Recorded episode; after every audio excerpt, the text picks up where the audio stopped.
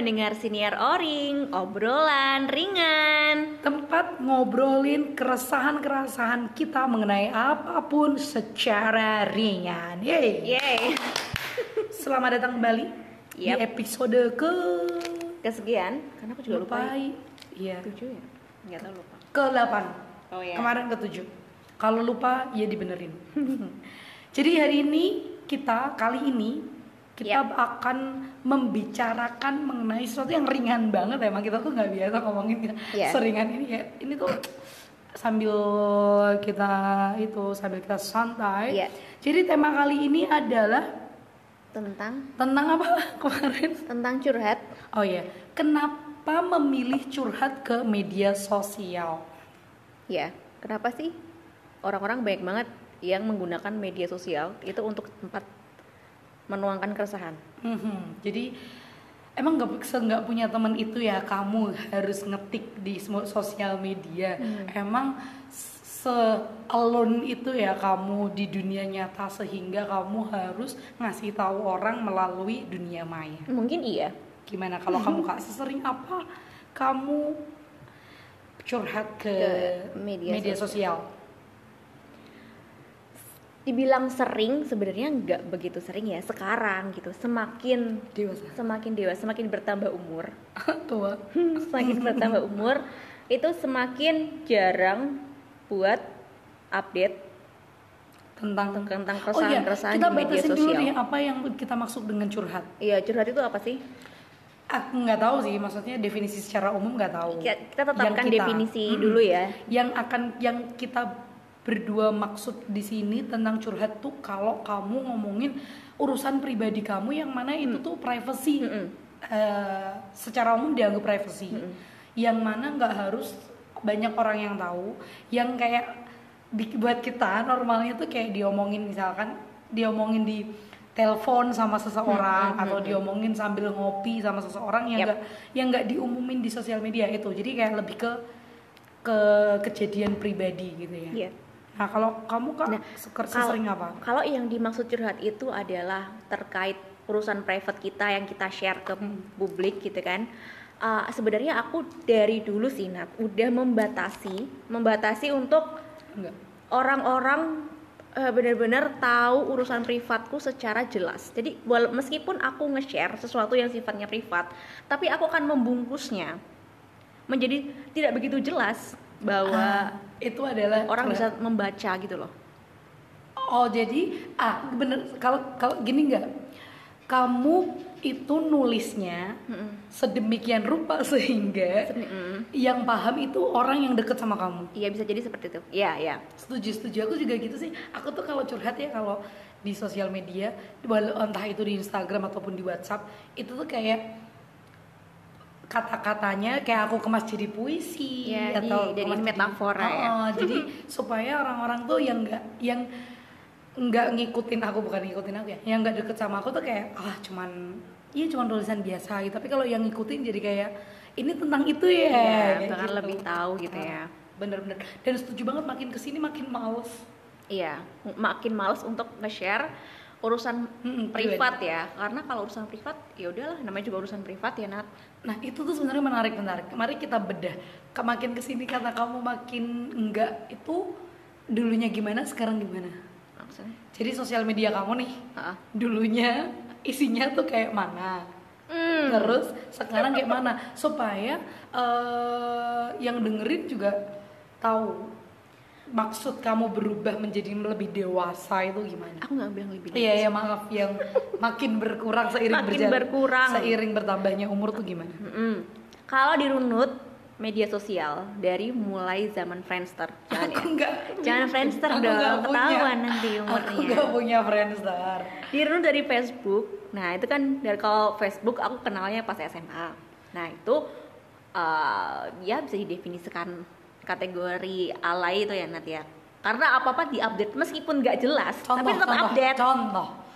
Ya misalnya hari itu hari itu eh, doi menyebalkan gitu ya misalnya Oh. ih nyebelin banget katanya apa jadinya apa nggak jelas nih ya nggak jelas emang Apanya? maksudnya apa Oh. ya cuman tetap aja diomongin gitu Hmm. dalam sehari itu harus nih yang namanya update eh, status apa ya namanya namanya? status ya Status status. namanya kayak status gitu status di Facebook. Bahkan bisa beberapa kali.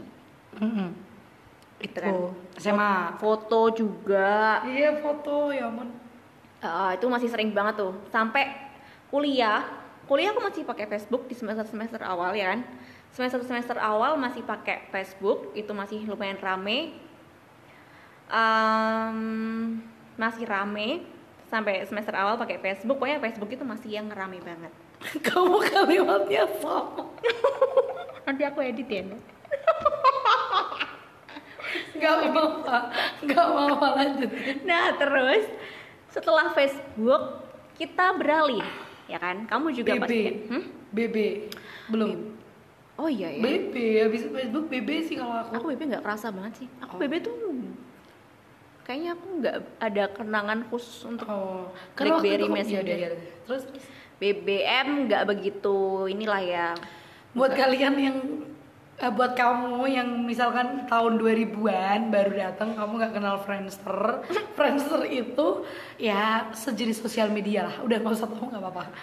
Terus habis itu BB juga BlackBerry kayaknya kamu kenal deh. Kamu mungkin SD dia udah kuliah. Lanjut ya. Oke. Terus masuk ke Twitter. Masuk ke Twitter Belum. ya? Udah Twitter? Udah udah udah Twitter. SMA juga udah Twitter kan sebenarnya? Aku nggak sih aku tapi belum begitu aktif. Terus Twitter tuh masih minoritas banget. Masih kecil lah Kecil. masih kecil. Masih kecil. Terus eh, eh, aku pakai Twitter. Instagram. Habis terus itu itu isinya Instagram. udah kayak gimana tuh? Menurutku ya dari Facebook ke Instagram eh ke Twitter Instagram itu pasti beda ya Nat. Kalau Facebook kan karena bisa nulis panjang jadi otomatis nulis bisa panjang dong. Oh. nggak tahu sekarang ya tapi kayaknya dulu tuh bisa kayak masih sekarang masih buat cerpen gitu bisa bisa ya? bisa bisa, bisa. iya benar benar benar kamu nggak post cerpen aja bisa iya benar. Anak zaman sekarang nggak tahu kali Facebook Facebook ya. Itu kan karena dia kata-katanya besar eh kata-katanya bisa panjang. Sorry panjang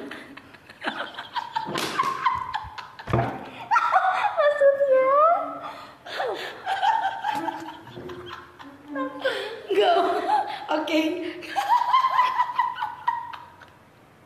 cuma ini mau tak udah mau udah mau. Mau memperbaiki besar jadi panjang. Malah makin salah. Oke. Lanjut. Mungkin karena kapasitas nulisnya di Facebook itu bisa banyak kata-katanya yang ditulis ya kan? Perkataannya itu bisa lebih banyak. detail.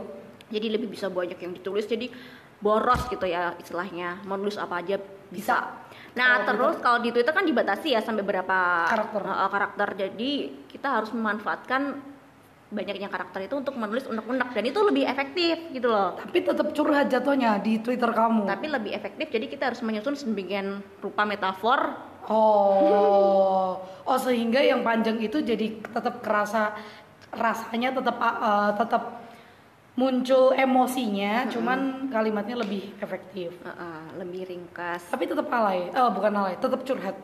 tetap curhat sampai sekarang tetap curhat kok kadang-kadang Cuman curhatnya beda. Katanya tadi makin ke sini makin jarang. kan ini kuantitasnya Oh, oh, jadi tetap kamu adalah salah satu orang yang ya udah share aja. share aja tapi makin ke sini ya Nat itu kan dulu kan kalau di Facebook eh, Twitter pada masa dulu pada masa dulu ketika eh, kuliah SMA gitu kan ini lebih ke emosi eh, lebih ke emosi diri lebih ke emosi yang Iya, pengen iya, aku iya, iya, utarakan iya. gitu Secara, kan Mm-mm.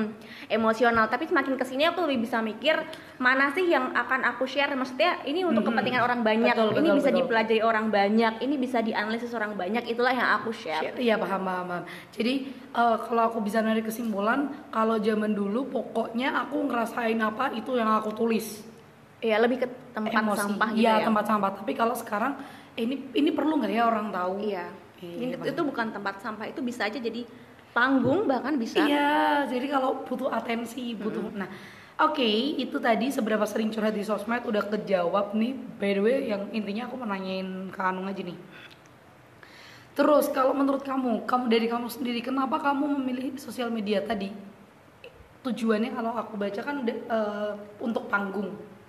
Eh, ada untuk ada. ya ada ada ada tujuannya adalah salah satunya untuk menarik atensi.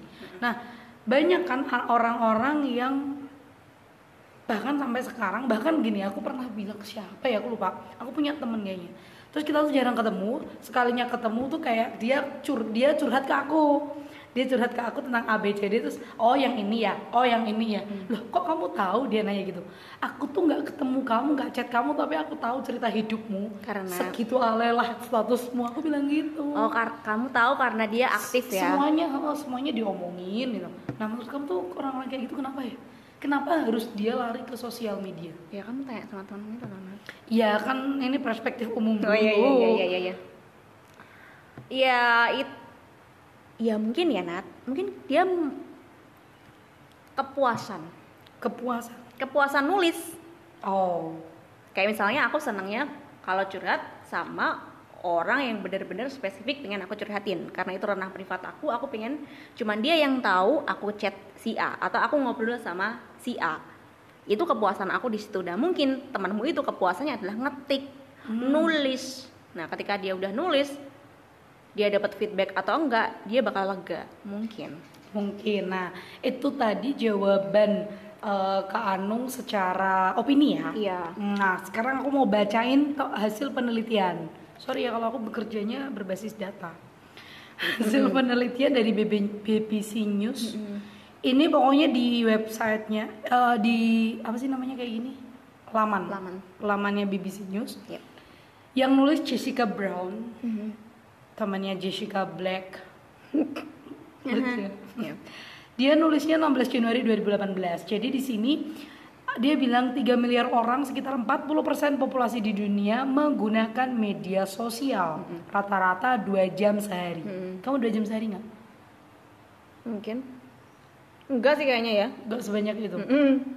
berarti bukan kamu yang diteliti kamu yang lagi apa namanya yang dua jam sehari berarti kamu. Nah kenapa sih mereka memilih sosial media? Atau di sini sih tulisnya seberapa berpengaruh Mm-mm. sosial media bagi seseorang? Katanya ada yang pengaruh tentang stres. Banyak orang melampiaskan tingkat stresnya melalui media sosial. Jadi tadi jadi tempat sampah. Semakin stres dia semakin scroll scroll media sosial melampiaskan. Dia bikin status Oh. dia bikin story dia nulis sosial media tuh Iya kan? karena mau buang stres. Iya, iya. nah itu bisa. Terus abis itu suasana hati. Hmm. nggak tahu nih pengaruhnya apa. Iya kan pengen share. Entah itu buruk entah itu baik Hmm, pengen oke. share. Terus kecemasan. Cemas iya. Tahu. intinya dia narik perhatian kan? Iya oh dia iya tentang salah nggak sih? Ngomongnya nggak tahu sih. Depresi kemudian jadi gara-gara depresi gara-gara tidur pengaruhnya di nah kalau kamu scroll sosial media tuh tidurnya kurang. Itu sih kecanduan.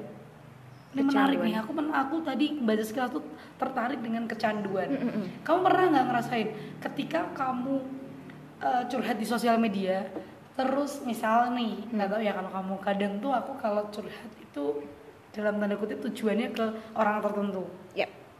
terus kayak tembus. Tembus tuh artinya orang yang aku maksud atau atau yang aku harapkan untuk mengerti statusku itu nanggepin. Mm. nah itu jadi macam candu buat aku. Oke berarti kalau kapan-kapan kalau gini lagi ya gitu lagi. Gitu lagi gitu lagi dan nagih gitu. Oh Nagih untuk nagihnya, mendapatkan hmm, karena feedback. hmm, gitu sih. Kalau kamu pernah nggak? Candu. Itu loh kayak kamu komentar apa mungkin? Oh komentar di YouTube enggak sih Nat. Enggak, Apa bukan sih? bukan karena can. Jadi kayak kamu tuh nge-share itu karena kamu ingin mendapatkan perhatian. Nah, ketika kamu mendapat, kamu tuh jadi pengen terus gitu nggak? enggak Bisa aja. kayaknya aku belum ke level candu itu deh. Percaya diri. Itu Tahu. sih kesejahteraan jiwa, hubungan. Iri. iri bisa. Kenapa? ya Kenapa iri? bisa jadi misalnya ya Nat aku ngelihat kamu tuh happy banget gitu loh Oh. aku nggak seneng lihat kamu happy Iri. Iya loh. Jadi kayak iya bener. Berarti itu bagus nggak? enggak lah Nat Enggak, Mas, berarti kamu aku bisa iri sama kamu kan kalau aku lihat kamu bahagia. Iya, berarti yang nggak kamu posting boleh. kan yang bahagia-bahagia. iya Berarti kamu nggak boleh posting yang bukan bahagia-bahagia. nggak boleh sih sebenarnya aku sih pengen ngomong ya ini kalau aku ya pengen ngomong orang-orang tuh eh, sebisa mungkin ya buat temannya Nadia tadi juga. Menurutku urusan private itu urusan kamu gitu. Karena kita buat undang-undang aja kadang-kadang kan kita nyentuh-nyentuh ranah privat kan. Kita nggak bisa bedain mana ranah privat mana ranah publik. Dimulai dari diri kita dulu nih nyimpen ranah publik ranah publik ranah privat ranah privat gitu. Supaya kita bisa bedain ke depannya mana sih yang publik mana sih yang privat Oke, berarti kamu bukan tim yang curhat di media sosial? dengan jelas Oke. kalau untuk kepentingan publik Umum. mungkin agak agak jelas ya mungkin untuk mengkritisi ses- sesuatu misalnya seperti itu Kalau kamu dibantah dengan kalimat, lah akun-akun gua tinggal itu aja kali. Gitu gimana menurut kamu? Kayak misalkan nih kamu kan bilang ya. Mbok ya yang itu yang kalau mau nulis yang jelas, yang di yang bermanfaat bagi orang banyak. Iya. Ya kan? Ya, maksudnya kayak yang penting nggak sih buat orang-orang tahu tentang ini gitu kan? iya iya Nah, itu kan berarti kamu mau ngepost tapi kamu mikirin orang lain kan? iya Kalau misalkan aku nih Terus kontra, kamu- jadi kayak lo akun Terserah aku dong, ya terserah aku dong ya tinggal kamu nggak usah lihat aja. ya udah Oh, nggak seru nih. ya masa aku harus maksa ya kalau kamu mau uh, update sesuatu ya terserah cuman aku ngajaknya orang yang mau mau aja Nah, oke. Kenapa aku nanya gitu? Karena, Karena- tahun ini ada apa namanya berita juga. 2016 sih udah agak lama. Itu guru dan pejabat ini di Liputan 6 ya, Yep. uh, webnya Liputan 6. Guru dan pejabat Purwakarta dilarang curhat di medsos. nah itu baru salah tuh kan itu kebijakan kan Nah, ya itu itu. Itu sama dong kayak kamu. Kebijakan. Karena gini, bentar. Oh, tadi kamu opini ya? ini tahun berapa itu 2016. masih jadi berlaku sampai sekarang nggak tahu, nggak tahu. Cuman kan waktu itu pernah lah. Dia bilang pernah ya Bupati Purwakarta eh, pada saat itu Deddy Mulyadi melarang guru, kepala sekolah dan pejabat di daerahnya untuk mengunggah foto maupun menulis status yang tidak bermutu di media sosial. Padahal kan standar mutu atau tidak kan Ya, kita nggak iya, tahu. iya, iya. Dan menurutku namanya sosial media yang tadi aku bilang, nah ini kan ranah privat. Hmm. Nggak, kamu juga setuju ini ranah privat. Kenapa harus diatur? nah itu tadi kebuktian kebijakan aja ngawur-ngawur gitu kan maksudnya Tapi kan kamu pro untuk jangan upload kalau nggak penting. tapi nggak diatur juga gitu loh Nat Oh. maksudnya Oh yang tadi ya, yang itu kan opini kalau yang mau ya mau silahkan. iya Oh. Jadi mencontohkan, selama ini ada sejumlah guru maupun pejabat memposting foto mau naik pesawat sambil membawa barang-barang dan menulis meminta agar didoakan. iya terus kenapa lucu banget Nah, terus kenapa Bahkan ada di antaranya yang mengunggah foto mesra sekalipun dengan istri atau suami. nah tuh kan Ya mengungkapkan hal-hal pribadi, entah itu curhat atau lain-lain, saya tegaskan tidak boleh. Kata Dedi di tengah acara pengarahan kepada sekolah tingkat SD hingga SMA di Purwakarta. Nggak boleh, Bapak Bupatinya bilang gitu waktu itu. Kalau sekarang kita nggak tahu. Cuman kan jadi aneh ya kalau misalkan itu masih berlaku sampai sekarang. dia nyontohin urusan privat privat publik publik tapi dengan ngasih aturan yang ngelanggar privat, Privat. gitu kan aneh Oh, wow, iya ya seru nih kacamata yang barusan dipakai. Enggak dong? Bukan dong maksudnya sudut pandang, Iya sudut pandang yang barusan diucapkan. Jadi kamu tuh ngelarang, hey, kalau kamu pekerja, kalau kamu apa ya tokoh publik ya, kalau kamu tokoh publik ya dipisahkan dong urusan pribadi sama urusan kerjaan. Tapi barusan beliau tuh sambil ngomong, ya kamu nggak usah nggak boleh nggak boleh update status pribadi kamu. Iya. kan itu urusan pribadi. Iya kan jadi kontradiktif gitu loh. Ya udah nggak usah. Nggak tak lanjutin bacanya lah. Ngaco ini. Nggak apa ya semoga itu udah nggak berlaku ya sampai semoga semoga. Nah jadi kan sepakat dong kalau misalkan urusan pribadi salah. Akun pribadi hak pribadi sekarang. tidak bisa diatur. Meskipun kamu nggak suka sama postingan orangnya. Kayak tadi kalau misalkan aku punya temen yang memang sukanya adalah ngupload secara pribadi ya udah nggak usah dipeduliin Iya, aja gitu. kalau kamu nggak suka ya nggak usah dipeduliin.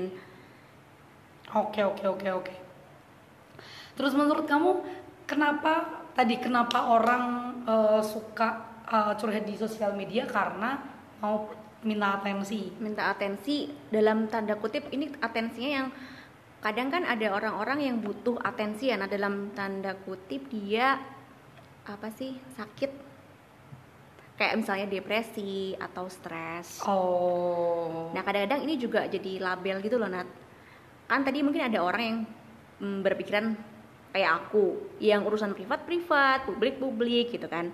Nah ketika kita melihat ada seseorang yang melontarkan kisah hidupnya kesedihan dan segala macam nah kita langsung labelin nih ah ini terlalu mengglorifikasi penyakitnya iya iya iya iya. Aku juga nggak setuju sama itu sih, Nat. Kita Karena- nggak usah buru-buru langsung melabeli. Dia me- meromantisasi penyakitnya, dia meromantisasi eh, stresnya, depresi yang diromantisasi gitu. kita nggak pernah tahu kalau itu memang bener-bener kejadian. Iya, Iya, apa eh, jadi poinnya adalah suka-suka kamu, tapi kamu bukan tipe orang yang ya, nge-share itu, tapi da- dan juga kita nggak boleh ngejudge, iya. nggak boleh ngejudge kalau dia itu. Bahkan kan eh, eh, ini kan ada kebijakan kan dari Mm-mm. suatu partai, Mm-mm. tapi udah ditarik lagi. Kamu pernah baca beritanya nggak? Akhir-akhir ini Apa? ada kebijak, bukan kebijak, imbauan kayaknya, bukan kebijakannya. Im, Tunggu, himbauan atau imbauan? i, Oh berarti yang bener imbauan. Yep. Oke, kalau kamu masih pakai kata himbauan, Renot kamu salah. Silakan. ada imbauan dari suatu partai untuk eh, jika kadernya itu mau melakukan poligami Mm-mm. harusnya nggak deh sebaiknya eh, kalau mau poligami sama yang janda sumpah itu ada nah tapi terus ditarik lagi Itu imbauannya terus terus terus hmm? terus. karena netizen berkomentar macam-macam kan langsung bla bla kayak gitu kok diatur gitu kan ngaco gitu kan terus ditarik lagi tapi kan sempat ada kepikiran itu tuh udah aneh Nah, itu tuh. Kenapa harus neti menurutku itu salah satu alasan kenapa orang suka curhat di sosial media. Segitunya kekuatan netizen. Dan ini bukan cuma di ranah politik, maksudnya sekeras lembaga negara aja, pemerintah aja. Masih ingat nggak yang eh, yang kemarin apa namanya yang demo gede-gedean itu KPK ya? Mm-mm. apa RKUHP RKUHP aku lupa. Itu kan juga yang gedein sosial media. iya iya Iya, jadi oh iya iya jadi menurutku itu salah satu bentuk atensi memang masyarakat di sosial media netizen itu gila banget pengaruhnya. peran media sosial tuh sangat besar ya. Iya. Kalau dulu kan adanya kan koran sama radio. Hmm.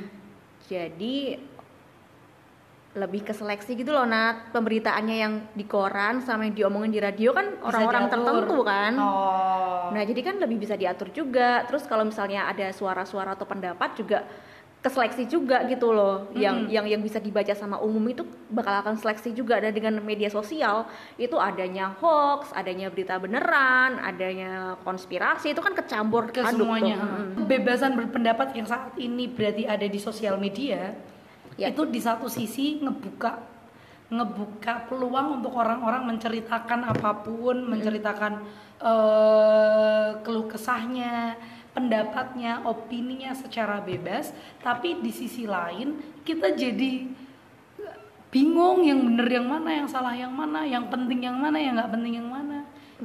Karena nggak ada lagi-lagi kontrolnya dari diri kita sendiri gitu loh. Cara ngontrol gimana? Maksudnya gini kalau tadi kamu tipe orang yang nggak suka ngelihat masalah pribadi di sosial media misal nih iya kan? Tapi kalau kamu nonton masalah pribadi artis suka nggak hmm kayaknya enggak sih nggak juga oh kirain kamu tuh nggak suka. masalah pribadi enggak tapi kalau misalnya artis-artis yang kena misalnya kena bully Hmm. atau dia kena kekerasan seksual Mm-mm. nah itu baru uh, aku ada atensi di situ tapi kalau um, artis itu tiba-tiba pakai jilbab atau tiba-tiba buka jilbab atau tiba-tiba menikah atau tiba-tiba hamil gitu kayaknya aku nggak begitu nggak begitu. naruh atensi. Jadi kayak itu bener-bener pribadi ya? Ya maksudnya itu tadi maksudnya nggak hal kayak gitu kan nggak harus nggak penting untuk semua orang tahu. Tapi mungkin penting untuk dia. dia dan, dan pengikutnya. Dan ya itu biarkanlah. Mm-mm. Dan biarkanlah Hmm. emang sih lah gimana lagi juga Iya iya iya paham paham. Nah dan pengguna itu tadi aku mau narik mundur ke pengguna sosial media ngadu ke netizen itu jadi kayak senjata buat semua orang. ya Ngad- ngadu ke misalkan aku digaplok tiba-tiba sama digaplok sama temen aku Iya. atau di, eh, digaplok sama aku mau bilang orang tua tapi orang tua aku nggak blok aku Iya. ya pokoknya itulah aku mengalami suatu kekerasan kekerasan itu aku ketika aku mau ngeblow up itu di sosial media aku bakal punya kekuatan yang lebih besar. Mm-mm. begitu pula para pejabat. Mm-mm. ada nggak pejabat yang curhat di sosial media? Pejabat? Iya. Krisdayanti dia pejabat. Oh. Eh itu menarik. Benar benar benar benar. Tau gak sih? Habis Krisdayanti mengungkap itu yang di YouTube-nya Om Deddy itu banyak banget katanya datang tuh nggak sengaja ya Krisdayanti ngomong tentang gajinya itu. Aku nggak nggak lihat videonya sih. Aku juga enggak sih. Aku nggak pengen lihat videonya dong Hmm. kamu pengen nggak? Kayaknya kalau yang ngomong bukan Krisdayanti aku pengen. Misalkan misalkan yang ngomong siapa? Siapa? Tina Puan. Tun mungkin. Emang Mulan Jamila? Mulan Jamila kan anu pejabat. Oh, iya iya. kan dia menang loh. Dia menang Gerindra loh. Terus Jayanti juga Mulan Jamila juga? Mulan Jamila juga. Tina Tun eh juga. Krisdayanti sama Mulan oh beda beda bayanganku Krisdayanti sama Mulan Jamila itu Orang suami yang- yang lama. Eh. beda beda beda. Sorry Bunda Maya aku lupa. Ya itu maksudnya karena yang ngomong pertama kali dengar beritanya ya. Hmm. Krisdayanti curhat soal gaji. gajinya apakah ini apakah layak DPR mendapatkan gaji segitu? Terus kayak yang di kepalaku aku dari dulu tahu kalau DPR gajinya banyak. Ya. Dalam tanda kutip gak guna. Maksudnya nggak tahu gunanya apa. Eh, aku tuh bakalan sempat mikir loh maksudnya kenapa gajinya gede apa jam-jam kerjanya itu apa 24 jam gitu apa ya Nat ya? Harusnya. Kan kan kata katanya Krisdayanti bilang kalau gedenya tuh di itu di dana aspirasi. Oh aspirasi yang yang buat ketika masa reses anggota DPR tuh pulang ke daerah pemilihannya terus nampung aspirasi Mm-mm. nah sayangnya aku lupa aku dapat dari siapa Mhm. mungkin nanti kalau aku salah dibenerin aja dana aspirasi yang harusnya digunakan untuk biaya si anggota DPR itu tahu eh masalahnya tuh apa toh di, di daerah pemilihanku Mhm. apa yang bisa aku bantu kayak gitu Mhm. jatuhnya dana aspirasi buat dibagi-bagi jadi Oh, kayak gitu. bantuan langsung tunai ya kayak yang kayak gitu-gitu makanya gede bantuan langsung gitu bukan aspirasi. Berarti itu bukan bukan untuk menyerap aspirasi bukan itu Tapi nanti dananya buat rakyat lagi gitu maksudnya? Harusnya. Harusnya. Iya harusnya. Jadi Hmm. aku nonton kalau nggak salah di YouTube-nya narasi kayak dia, dia bagi gaji pokoknya segini tunjangannya segini nah yang paling gede itu dana aspirasi. Yang mana itu dikembalikan lagi ke rakyat. Hmm. tapi kan bentuknya yang kita nggak pernah tahu. Nah menurutmu kalau curhat masalah gaji itu di sosial media? Ada loh Nat. Bahkan kamu tau nggak? Ada yang dia curhat persoalan gaji di sosial media. Dia kayaknya pegawai swalayan gitu. Terus? Gaji pokoknya sekitar sejuta berapa gitu aku lupa. Pokoknya dia nerimanya tuh jadi berapa ratus. Aku takut salah sih kalau ngomong ya. Hmm. di dipotong dipotong karena dia cuti sakit. Oh. Jadi da- dari sejuta itu dipotong cuti sakit jadinya cuma berapa ratus lima ratus atau tiga lima ratusan kayaknya. Nah itu kan kecil banget Mm-mm. toh. Nah terus dia uh, berbagilah itu di Twitter dan Hmm. rame karena kasusnya kan persoalan gaji ya. Rame nama swayanya nggak di nggak ditutup nama Oh. orang yang nggak ditutup Oh. kena lah ya. Kena apa? Kena UIT kayaknya. Oh iya. Kayaknya dia dilaporin. Kayaknya ya ini aku nggak yakin. Kayaknya dia dilaporin sama pihak swalayannya karena pencemaran nama baik tapi kalau slip gajinya itu aku benar-benar lihat di Twitter Wow. Jadi, nah itu oke. Kita Itu kan dia sekarang curhat masuk kan ke, berarti? iya, nah itu kita masuk ke ranah konsekuensi curhat iya konsekuensi curhat harus dilaporin pidana. jadi kita tuh dengan akses media sosial yang semakin mudah harus diimbangi dengan kehati-hatian ya kecerdas ya gimana ya Ya kehati-hatian bener. Lah tapi kan itu gimana kalau Jadi nggak bebas dong. ya hmm, hmm. Atau gini, dia nggak lapor dulu nih. Nah ini nggak tahu ya, mungkin beda, mungkin beda. Kalau mbaknya tadi mungkin mau sekedar curhat. Emang dia nggak, itu kan beneran curhat kan? Oh dipotong karena cuti sakit ya? Mm-mm. cuti sakit loh Nat itu kan melanggar sebenarnya kan nggak ada nggak apa-apa cuti sakit masa sakit itu nggak cuti kamu bilang gitu sakit itu nggak perlu dipotong. Iya, maksudnya itu nggak nggak dihitung cuti ya. Siapa sih yang mau sakit? Tapi kan mungkin dengan kalau dia sakitnya dua minggu kan perusahaan rugi juga. nggak tahu aku berapa ya Nah itu maksudnya bu kalau memang itu melanggar hak, ya nggak melanggar haknya si mbaknya, ya berarti harusnya bisa dilaporin dong. Masa ya perusahaannya Internal punya- gitu maksudnya? Iya. Cuman kan itu kadang nggak terjadi. Tahu nggak yang kasusnya KPI, yang Hmm. pegawai KPI itu kan lagi-lagi ini tolong dibenerin kalau salah ya. Kan Dilaporin. berita yang beredar adalah si orang ini udah pernah ngelapor internalnya, Hmm, tapi nggak direspon. nggak direspon. direspon tapi dipindah tugasin toh. Nah kayak responnya gitu doang gitu nggak menyelesaikan. Sampai akhirnya dia memberanikan diri untuk upload sosial media Ya. sehingga itu lebih gede. Dan itu juga yang baru-baru ini dilakukan oleh menurut gue ya Haris Azhar di YouTube-nya di itu. YouTube-nya. Ngehantam. Ngehantam aduh nggak berani. nggak berani nggak berani nggak berani. Tapi deh. harusnya aku sih nggak sampai gimana gimana siapa Iya. aku. Nah gitu. Jadi kadang pelak kenapa orang curhat ini baik itu pribadi baik itu masalah pekerjaan baik itu masalah hukum kenapa larinya ke sosial media?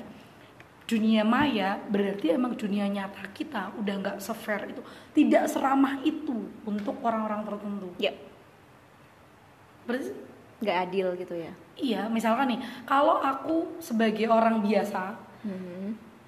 akhirnya butuh sosial media sebagai tempat curhat, berarti lingkungan nyataku nggak bisa melindungi nggak kamu kan buatmu aku nyaman untuk curhat kan? nggak iya, bisa benar, melindungi benar. aku. iya benar Terus kalau seandainya mbak-mbak tadi curhat sama temennya curhat sama temennya dan bisa adem atau curhat sama bosnya, atasannya lah, supervisornya kayak dan bisa adem masalah bisa selesai, nggak nggak mungkin terjadi ke ya? dunia maya. that's right Terus kayak tadi Haris Azhar misalkan kalau kasus-kasus yang kemarin-kemarin ditanggapin mungkin itu juga dia nggak akan share di YouTube. Terus ada lagi nggak?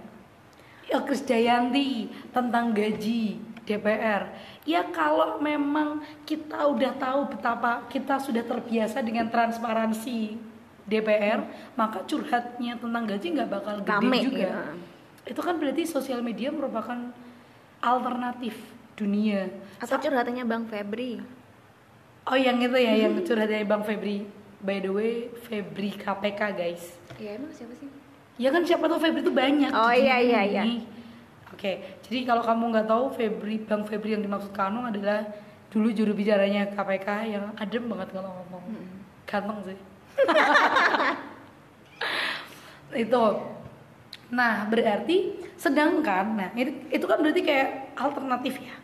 Alternatif dunia Um, karena ketika kita tidak diterima di dunia nyata dalam tanda kutip ya maka kita lari ke dunia maya tapi di sisi lain kita kena undang-undang ITE hmm. Itu tuh menurut kamu gimana? problematik ya Mm-mm. undang-undang ITE kan sebenarnya didesain untuk melindungi ya tapi malah justru sekarang itu digunakan untuk Men- ya tadi membatasi. Mm-mm. Tapi kalau misalkan mbaknya tadi ngupload di Twitter nih, Mm-mm. biar lebih kerucut, ngupload di Twitter, menurut kamu tindakan yang wajar kah? kalau nah kita kan nggak tahu selidik ini itu ya Nat maksudnya kenapa dia upload di Twitter itu apakah dia cuma curhat ih gajiku sama netoi misalnya kayak gitu atau emang dia beneran butuh atensi dari masyarakat kita kan nggak tahu Hmm. tapi sebenarnya itu udah udah menduga waktu itu aku sama temen udah menduga bahwa ini bakalan dia kena balik nih kayak gitu soalnya karena emang nggak disensor. ya. Nah berarti penting dong untuk kita itu kalau ada nggak sih yang masalah pribadi terus jadi kena masalah? Itu kan kayak itu kan menyangkut swalayan kan? nama besar. Kalau yang pribadi yang curhat masalah kayak teman kamu bisa nggak? Misalnya aku curhat terus kamu nuntut aku secara pribadi aja bisa nggak? Curhat karena aku tersinggung. Terserah nggak tahu. Itu bisa nggak? Kalau aku tersinggung bisa toh bisa dilaporin. Oh berarti ini ada udah pernah dengar kasusnya belum? Ya, bukannya kalau kalau tersinggung itu kita bisa ngelaporin ya? Eh, bukan tersinggung sih Em, iya tersinggung nat? Iya iya itu Tapi udah ada udah pernah ada personal, kasusnya iya, itu belum UTE. personal. Hah? iya bisa apa pernah dengar Nah, itu kasusnya yang- yang rame nggak? yang Haris.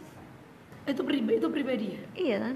Oh iya. itu kan fitnah pribadi. Tapi kan orang orang besar. Orang besar. Aku lagi nyari orang-orang di sekitar kita gitu loh. Pasti orang besar nat. Kalau orang realita nggak. atau artis-artis. Artis-artis kan banyak. Kalau orang biasa nggak bisa. Kalau aku tersinggung sama kamu, aku Artis- nggak boleh lapor. artis-artis yang ngelaporin orang biasa Oh. Oh, iya tetap. Tapi kan orang artisnya yang lapor. iya Kalau aku orang biasa, kamu orang biasa, aku ngelaporin kamu. mungkin ada cuman kita kan nggak tahu Oh, nggak ke cover beritanya ya? iya karena tidak memiliki nilai berita Oh, paham, paham. paham. Jadi nggak aku mau ngambil, aku mau lari ke siapa pun kita, seenggak penting apa pun kita dalam tatanan masyarakat ini. Kasta kita serendah apa pun misalnya. kita penting untuk punya tadi kehati-hatian dan kecerdasan untuk curhat di sosial media supaya nggak kena undang-undang ITE. iya Tipsnya kok jadi malah gitu ya Iya jadi nggak? yalah hati-hati gitu ya kita yang harus hati-hati lah makanya itu. jadi kayak aneh gitu ya jadinya Ya sebenarnya enggak sih kak. Sebenarnya menurutku nggak aneh. Kehati-hatian itu perlu. Hati-hati di sini tujuannya kan supaya nggak menyinggung. Aduh, kalau sebenarnya nggak ada menyinggung sama nggak menyinggung itu. tujuannya supaya tujuannya nyampe jadi apa yang kamu pengen tuh nyampe jadi perlu hati-hati Oh, nyampe dalam hal yang baik. Mm-mm, misimu heeh. Dalam hal yang baik dong. Hmm. Kalau tujuan gue emang aku pengen ngata-ngatain kamu kan nggak baik, Oh. nggak boleh. enggak dong Iya kan? Oke, berarti aku salah. Bagaimana sebaiknya apa sih namanya etika? Bukan etika. ya bisa Et- bukan etika Eh, gimana caranya supaya kita nggak kena UU ITE Bukan sekedar UU ITE sih. nggak nyinggung orang Mm-mm. ya itu tadi pergunakan kata mungkin pergunakan kata mungkin terus kamu kalau ngomong basisnya data kayak nggak cuman ngejudge apalagi kalau ngejudge-nya orang penting ya tapi semuanya sih mau ngejudge siapa pun yang nggak ngejudge juga nggak boleh sebenarnya Iya, iya. Makanya kan kalau nggak salah ya di kasusnya atau kalau nggak di kasus umum lah, kenapa orang itu melaporkan orang lain melalui undang-undang ITE? Sebagian besar bakal jawab, saya tahu ada kebebasan berpendapat, tapi kan juga kebebasan berpendapat itu Dengan harus ada etika. aturannya, etikanya. Menurut gue itu dasar dari demokrasi kak. Jadi aku pernah, aku belajar di mana aku lupa, hak asasi manusia. Setiap orang punya hak, punya HAM, tapi ingat orang lain juga punya HAM. Jadi kebebasanku yang membatasi adalah kebebasan hakmu. itu yang diomongin sama pengacaranya Pak Luhut loh Nah, iya, ya itu makan itu itu kamu ngomongin bener sih. ham tapi aku kamu nggak ngomongin tentang hak hakku gitu mesti haknya si Pak Luhut Itu, it- nah menurutku itu sampai di situ benar. Cuman kan kalau kasusnya Luhut kan udah diberi hak untuk menjawab, ya tapi beliaunya nggak mau kan. biarkan bergulir ya Ya sudahlah, kita jangan ke situ dong. Iya. Aku udah narik ke Sorry. yang ringan-ringan ke situ lagi. Ini aku cuman mau di kehidupan sehari-hari. Mhm. Misal nih, kan kadang aku kalau ngelihat eh, temen, aku nggak nggak temen deket sih yang kayak curhat secara eh, rinci itu kan sebenarnya hak dia. iya Tapi kan kadang akunya punya hak juga dong untuk Gatel. males ya, untuk nyuekin, untuk nge-mute. untuk nge-mute, untuk bilang kok kamu gitu toh? Gitu Gak itu punya usah. hak dong. Kan aku nggak punya? Iya iya. Aku punya hak dong. Eh kamu kok curhat gitu sih di, masa sih kamu Instagram?" bilang kamu ya, ya misalnya. oh, iya, iya. boleh dong. Boleh tapi aku sarankan nggak usah. Kenapa? Ya nggak usah lah. Ngapain sih biarin aja Iya. berarti. Mungkin itu healingnya terus? Berarti aku tinggal itu aku biarin aja biar Mm. tinggal di mute aja. Berarti prinsipnya gini kalau kamu nggak suka sama postingan sebuah sosial media akun sosial media ya tinggal nggak usah dilihat iya. nggak usah diurusin. Kecuali kalau berkenalan dengan aku. Atau apa? Kalau uh, yang di sosial media itu mm, merugikan. Kamu atau orang banyak? Merugikan orang banyak atau merugikan siapa gitu yang aku ketahui. Oh. Tapi kalau itu mau cuma sama sampah dia ya udah. Iya iya. Hmm. oke oke oke. Menarik menarik menarik. Eh tapi yang tadi ya Nat kamu bilang kita bebas berdemokrasi kita bebas buat ngomong tapi harus ada etikanya. Itu sebenarnya aku agak bingung sih dengan kata itu. Maksudnya etika tuh apa? Kan nggak ada nggak standarnya ada aturannya memang. Makanya makanya norma masyarakat. Apa sih? Harusnya gimana maksudnya etika maaf ya gitu. Maaf ya aku mau ngasih saran ke kamu. Apa kan sih? enggak dong kalau yang di posting nggak gitu dong. Itu kan sering dipakai sama pejabat-pejabat. Kalau mau ngeritik boleh asalkan ada etikanya. Nah, enggak kalau maksudnya itu- etika apa? Nah, itu tadi menurutku ada data. Selama dia punya data, selama dia tidak ngatain kasar, selama tidak menghina keluarga, menghina ya tanda tandanya menghina itu kan berarti ngejelek-jelekin kan. Hmm. Itu itu udah beretika. Makanya kan untuk yang ada jangan kasus sana lagi lah. itu kalau dia bilang dia nggak beretika udah beretika sih menurutku. Jadi gini, eh, definisi etika itu tidak secara menurut gue tidak secara jelas nyata ngejelekin. Misalkan kita coba yang sta- yang sederhana dulu ya. Misal nih, Hmm. eh, aku posting yang kan kalau posting kan kayaknya metafora gitu ya. Hmm. Aku dibahas di sini boleh nggak ya? apa boleh kayaknya Eh, siapa pun yang kalau kalau anda termasuk dalam circle saya dan mengetahui kasus ini percayalah ini hanya untuk berbagi sharing. Jadi aku pernah nge-share aku tuh meng- ingin mengkritik ke- suatu kebijakan. Terus akhirnya aku nge-share yang langsung gini. Kok gitu sih ya seandainya kebijakan itu disampaikan dengan lebih baik yang tujuannya baik caranya baik pasti hasilnya akan lebih baik daripada dengan marah-marah. Misalkan kayak gitu. Menurutmu itu beretika nggak hmm. beretika Ya. kan udah sampai situ kan tapi menurut si orang yang aku tuju Hmm. kan tadi kan kepuasanku adalah ketika orang yang aku sasar kena ya dia chat pribadi beliau chat pribadi aku dia chat pribadi Iya. aku dan bilang kan kamu kenal aku kenapa kamu nggak ngomong langsung ke aku oh Nah itu menurutku jadi saat itu aku baru nyadar oh berarti ini aku udah melanggar etika pertemanan kami. Maksudnya kayak oh dia nggak suka nih diginiin. dia nggak suka digituin tapi yang kamu ngomongin tadi Sudah secara kepentingan umum sudah publik etika. Iya iya. Se- secara umum ya nama makanya kan tadi etika nggak ada batasnya yang jelas. Iya, dia ada Kalau batasnya. aku sebenarnya kan mau bilang yang penting nggak menyinggung tapi kan kita nggak Iya, tahu. Tapi kalau dia udah bilang gitu masih aku terusin kan aku salah. karena si orang yang kamu udah tuju suka. langsung nge-mention kamu ya "Heeh," makanya terus habis itu aku langsung tarik jadi itu kalau aku oh, I see, I see. jadi kalau aku tujuannya baik kalau aku kritik orang Ya. ketika dianya udah bilang jangan gitu dong caranya ya udah gimana cara yang bener ya kita ngomong tapi kalau kalau dia misalkan mis- nah terus gini beda eh, contoh lain ih apaan sih ngomong kok kayak gitu ngerti nggak sih kamu tuh kalau bikin kebijakan tuh yang bener Hmm. jadi jangan asal tahu dong orang itu gimana nah, nah, nah, nah, nah. Nah, menurut kamu yang pertama sama yang kedua kalau aku bikin status lebih beretika yang mana lebih berit kalau aku lebih beretika yang pertama yang metafor nah, nah makanya itu jadi itu definisi etikanya diperhalus metafor kan Mm-mm. nah terus kalau misal ya itu cara kita aja cara kita beretika berbeda-beda Mm-mm. dan cara Batas. orang nangkep Beda-beda juga. beda-beda dan itu ya saling menerima dan Hargai, memahami aja ya kalau saling menerima kan baik yang tadi yang kamu kayak mengkritik ataupun yang diberi kritik harusnya sama- sama-sama terbuka ya Iya, iya, iya, iya, iya, iya. Gitu sih. Jadi kalau etikanya kayak gimana kalau kamu aku tuh bingung etikanya gimana? Ya emang nggak ada. Norma sosial kan berubah-ubah sesuai dengan penerimaan masing-masing. boleh mengkritik tapi yang rasional gitu harusnya ya enggak ya Iya, rasional buat aku sama tapi itu kan rasional ya Selama nggak itu, nggak nggak fitnah kalau kata aku. iya mesti itu mesti ada Ada data, iya, iya. nggak ngata-ngatain, nggak Ada data. mengumpat. Gitu definisi etika sih menurutku. Oke, gimana?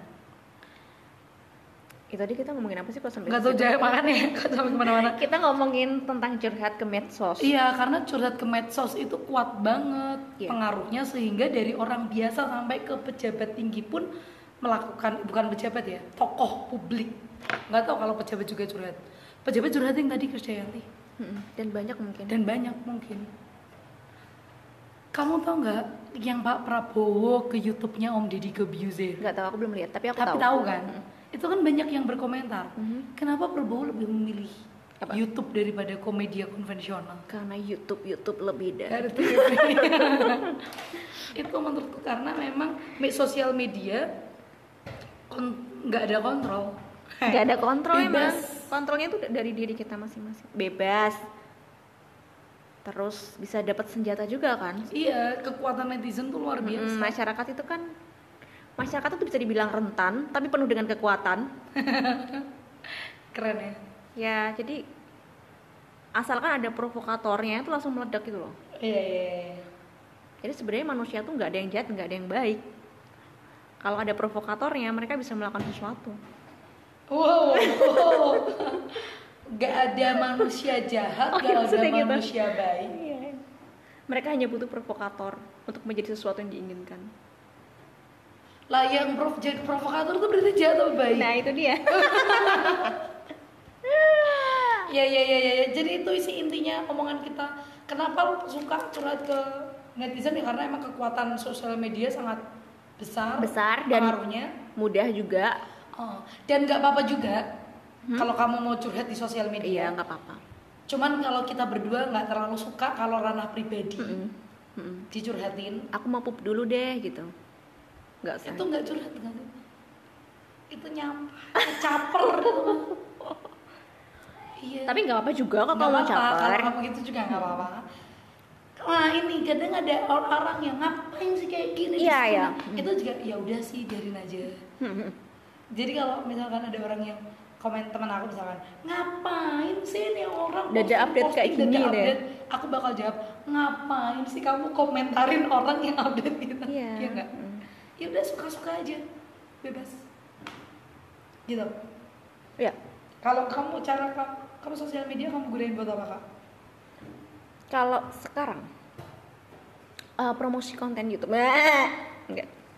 Promosi konten. Terus aku lebih suka yang ini sih kayak Wicen mengedukasi. Which ya kayak aku mau berbagi sesuatu gitu loh Nat. Oke. Berbagi sesuatu yang aku kira penting dan orang dan kamu suka? Dan aku suka dan orang perlu tahu nih gitu-gitu sih. Aku bagi deh di sosial media. Dan biasanya beda antara yang aku share di Instagram aku yang aku share di iya bener. Aku kalau Twitter. curhat eh aku tuh ya kan? Iya bener bener bener. Aku juga jarang nge-share hal yang sama. Kayak tempatnya beda-beda gak sih? Mm-mm. Twitter buat apa? Kalau yang lebih personal dan lebih nyampah lebih nyampahnya aku lebih ke Twitter Instagram? Kalau Instagram enggak Tadi promo nyampah ya? sih. Mm-mm. paling kok promo konten promo konten oring juga. Terus aku mau nge-share tentang sesuatu hal yang menarik buat aku. Kayak misalnya yang sekedar aku lakukan itu kayak review-review kayak film gitu Nat. Terus kalau itu? Apa? WhatsApp. Hmm, WhatsApp tuh aku kan pilih-pilihin orangnya ya. Ya paling itu lebih personal lagi. Oke oke oke oke gitu sih. Kalau dari aku aku sih udah Udah deh. kekepoanku udah. Udah segitu aja ya dari kita ya tentang sosial media. tentang sosial media dan kekuatannya. Nggak apa-apa kamu mau curhat. Iya kita nggak ngarang kok. Nggak apa-apa kamu healing kamu adalah share apa pun di sosial media. Ya. tapi please nggak apa-apain juga teman-teman kamu yang nggak suka. Iya dan buat yang nggak suka dan kalau kamu nggak suka curhat di sosial media nggak apa-apain aja teman kamu yang suka curhat Hmm, dan resikonya ketika kamu curhat masalah pribadi, orang jadi ketahui kan masalah pribadi kamu. iya dan kamu harus terima itu Iya. oke dan buat teman-teman yang misalkan curhat pribadinya adalah mengkritik sesuatu yang kiranya berkekuatan besar hati-hati Ya hati-hati. Gunakan kata mungkin. supaya gunakan kata mungkin dan kalimat kalau ada yang salah mohon diperbaiki Iya dong Tapi biasanya kalau ada kata-kata kayak gitu nggak rame kan, Nat? iya kan? kagak jadi atensi ya Iya. ya itu kalau emang kamu butuh atensi yang instan ya emang harus nabrak banget Hmm. jadi gitulah terus juga gini menurutku kalau kamu salah satu orang yang nggak suka ada yang curhat ranah pribadi di sosial media coba berkaca sama diri kamu sendiri kamu udah jadi teman yang baik belum buat teman kamu itu sampai akhirnya teman kamu butuh sosial media untuk curhat Yap. dan juga buat orang penting yang mempermasalahkan orang yang curhatnya di sosial media nggak kerana hukum ya dicek aja Apa? Chill. hukumnya udah maksudnya gini kan tadi kalau tentang pribadi Kalau kamu ngerasa ngapain sih kayak gitu dicurhatin di sosial media, berkaca. Kamu udah bisa jadi teman yang baik belum buat dia kok sampai dia ke sosial media. Nah kalau misalkan nih ngomongin pejabat gitu ya kayak orang penting, artis yang suka ngelapor, yang bukan suka, yang pernah melaporkan orang biasa atau melaporkan yang mengkritik dia. Kenapa sih kok di sosial media? Kenapa nggak kerana hukum? Ya mohon berkaca hukum kita seperti apa. Nggak berani ngomong dia. Oke. Kita aja dulu terima kasih. Sampai bertemu di Semoga bermanfaat. selanjutnya ya. Bye. Dadah.